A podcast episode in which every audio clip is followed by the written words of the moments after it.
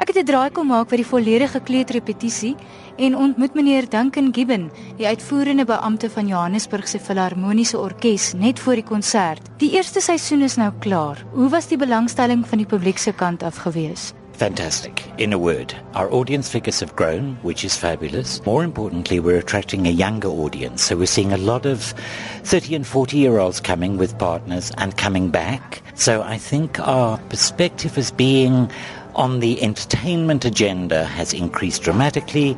Our loyal audience is still with us, but we're growing, which is fabulous. Wat kan ons verwag van die tweede seisoen? A four week season, which will commence in May.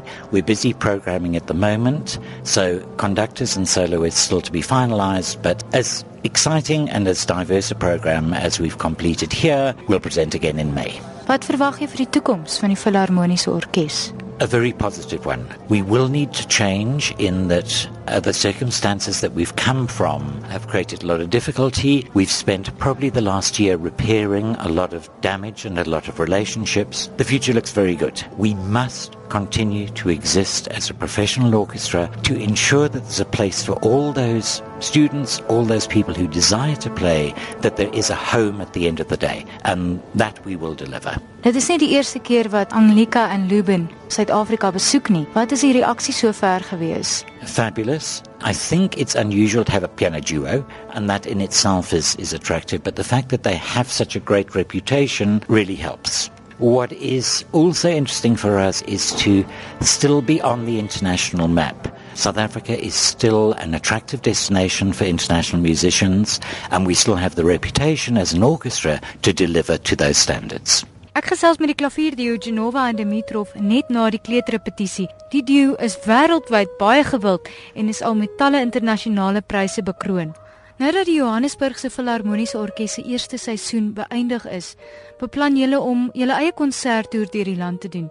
Maar Luben verduidelik eers, waar het julle vennootskap met die Johannesburgse Filharmoniese Orkees begin? That was a very big happiness for us uh, because we are touring South Africa since uh, 2003 already regularly, and until now we've played with uh, orchestras like the Durban uh, KwaZulu-Natal Orchestra and Cape Town Philharmonic Orchestra. But that is our first time that we work with the Johannesburg Philharmonic Orchestra, Johannesburg Philharmonic, and we are very happy about this because we heard very very good opinions about this orchestra, and once we understood also that the orchestra will be led by a Bulgarian conductor who we know personally, but we never met on stage until now. That was really a special feeling about this. And then I just want to add uh, then to play two concerts, not only one, in this great hall, Linder Auditorium. We know the Linder Auditorium from our last recital in 2010, but it's very different feeling to have the two pianos on stage together with the big orchestra and this great conductor. So it is really a pleasure for us. I hope for the audience too. Julle het nou al reg oor die wêreld getoer. Hoe vergelyk Suid-Afrika met die res van die klassieke wêreld? Well, basically, the the music uh, is generally a art that has no borders, and uh, we experience, fortunately, in our life until now, artistic life, that the art of piano playing, piano duo playing, like we presented, is accepted by the audiences all over the world. So the audience likes what we play, and we are happy about this. In that sense, the South African audience doesn't make any big exception of that. These are people that like the classical music, that like the piano duo music, and they enjoying what we present. Of course, we would be much more happier to see also other nations in the um, or part of the South African nation in the audience, uh, like for instance black people uh, or colored. But maybe it takes some time until they uh, get a little bit more familiar with this uh, kind of music. It is something new maybe for them, and I hope for the future. We hope both for the future, of course. Julle sê julle toer na Suid-Afrika van 2003. Kan jy 'n verskil sien in die demografie van die gehoor? Uh, well, basically, uh, we see much older generation people, like say over 70 years old. But this is uh, worldwide like this. It is not exceptional. But also we see in the South African audience in the concerts now that we've played, very very big part of uh, the audience is young people, and uh, the younger is, people yes. are much more than the last time when we played in 2010. And especially now, I was so positive surprised, and it made me really happy. We spoke about that uh, with the great organizer. We just played uh, wonderful recital in Cape Town in the Hugo concert series. It's a very fresh new venue since just two years, two years old.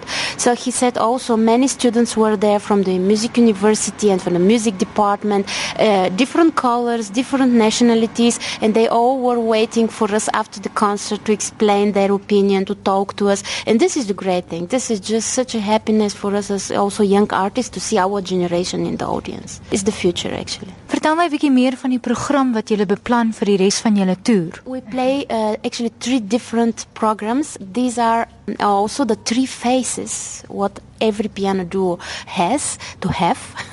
the first phase we say is one piano four-handed program. The second phase would be two pianos, also recital, and the third phase is with orchestra, like now with the Bruch concerto. So we play three different programs in Joburg, of course, uh, Bruch concerto. Before that, two days ago, we played at one piano four hands, a different program without orchestra, and then the next concerts will be in Stellenbosch and also in Pretoria at the UNISA University at two pianos. Very different also. Hoe besluit julle op die kombinering en die repertoire van julle program? We try always to put in the program something for different tastes to make our programs uh, more attractive for the audience. To have sometimes a little bit modern works, of course, not very, very extremely contemporary, but modern like Shostakovich, Stravinsky, and uh, this kind, Gershwin also, or American composers, or sometimes, of course, classical program. We have a repertoire of more than 300 pieces and from different styles and musical styles, so we try always to combine this and uh, to make it as much as attractive for the audience. That's our goal and to appeal to the audience also, to talk, to, to present works that are speaking to, to the heart of the audience. The people are feeling the music is emotion and we believe in that and that's why we present also emotional works. Julle het al klaar so baie bereik. Wat is volgende? Oh, there is no end. Absolutely. If we say to us we reached something or too much, like you said uh, exactly now, that would be the death of us as artists.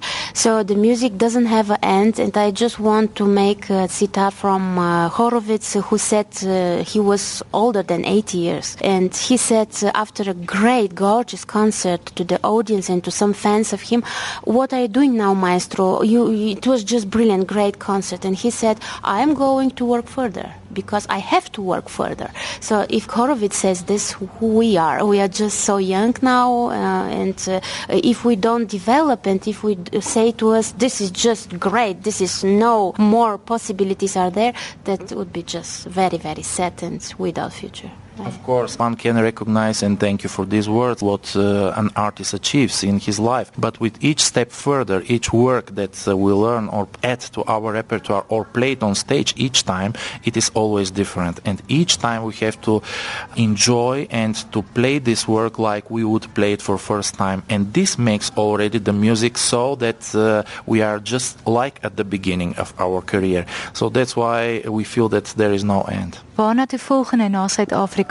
So after South Africa, immediately we fly to Bulgaria. We have just one day in our home in Germany to exchange the baggages from summer clothes to winter clothes because in Bulgaria is almost winter, springtime, a little bit cooler than here. So we play a recital on two pianos at the very big festival in Ruse. This is March, International March Music Days. And immediately after this concert, we make uh, about one week long uh, master class for young piano duos who are coming from different countries all over the world to work with us. And before South Africa, we just arrived back from Switzerland for also very prestigious festival Sommet Musical in Gstaad. And this whole festival was dedicated to us, especially as uh, artists in residence there and also mentors of the festival. We played there also two concertos. And after Bulgaria, actually again Germany. Germany concerts with the Beethoven Orchestra Bonn under uh, led by the chief conductor Maestro Blunier, and uh, before that also different other recitals in Germany and different countries further in America, United States, in the autumn, China. Waar kan mense kaartjies kry vir julle vertonings? Basically on the internet in our days or uh, at the concert halls where we are going to play in uh, Pretoria, in Cape Town, Hermanus, Stellenbosch and like this. Sterkte met julle toer. Thank, Thank you so, so much. much. Thank you very much.